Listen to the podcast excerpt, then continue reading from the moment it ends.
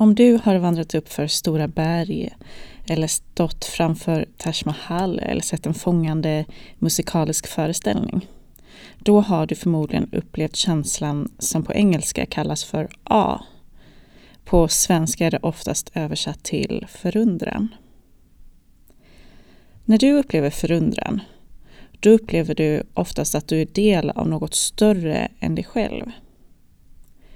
Under de senaste 20 åren så har forskare inom psykologi börjat intressera sig mer för ämnet. Och det har gjort att vi idag vet mycket mer om känslan förundran. Samtidigt som vi också inser hur mycket det fortfarande finns att lära. Men studier har funnit att förundran kan ha fysiska, psykiska och sociala positiva effekter.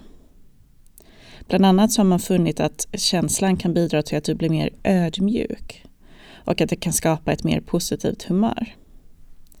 Och det kan även bidra till att du blir mer vänligt inställd och generös. Men för att uppleva förundran så behöver du inte bestiga stora berg eller resa långt härifrån. Det räcker med att ha en stund till att faktiskt titta upp på himlen. Så börja med att gå till ett ställe där du kan känna dig trygg och där du har en bra syn upp mot himlen. Kanske har du tillgång till en trädgård eller ett naturområde där du kan vara i lugn och ro. Börja med att fokusera på din andning. Ta långsamma andetag. Slappna av i axlar, händer och ansiktet. När du har slappnat av ordentligt, ta ett andetag och kolla upp mot himlen. Notera hur stor och mäktig den är. Andas naturligt och försök notera, notera detaljer du uppmärksammar. Vilka färger ser du? Hur ser molnen ut? Vilka former har det?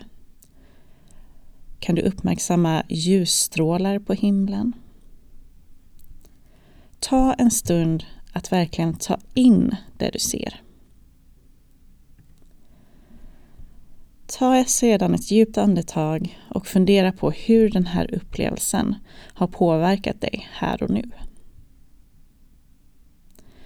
Förundran är alltså någonting som vi kan uppleva när vi ser på något som vi känner skapar den här känslan av att du är en del av något mycket större. Jag hoppas att du känner dig inspirerad till att prioritera ditt välmående. Bland annat av de här övningarna jag tipsar om, men också av våra avsnitt av Välmåendepodden. Jag hoppas att de kan inspirera dig till att skapa en vardag som just du mår bra utav.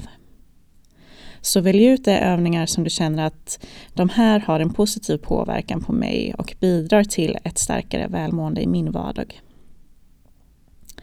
Om du har frågor eller, eller om du vill komma i kontakt med oss, då kan du skicka ett meddelande via vår Facebook-sida eller via Instagram.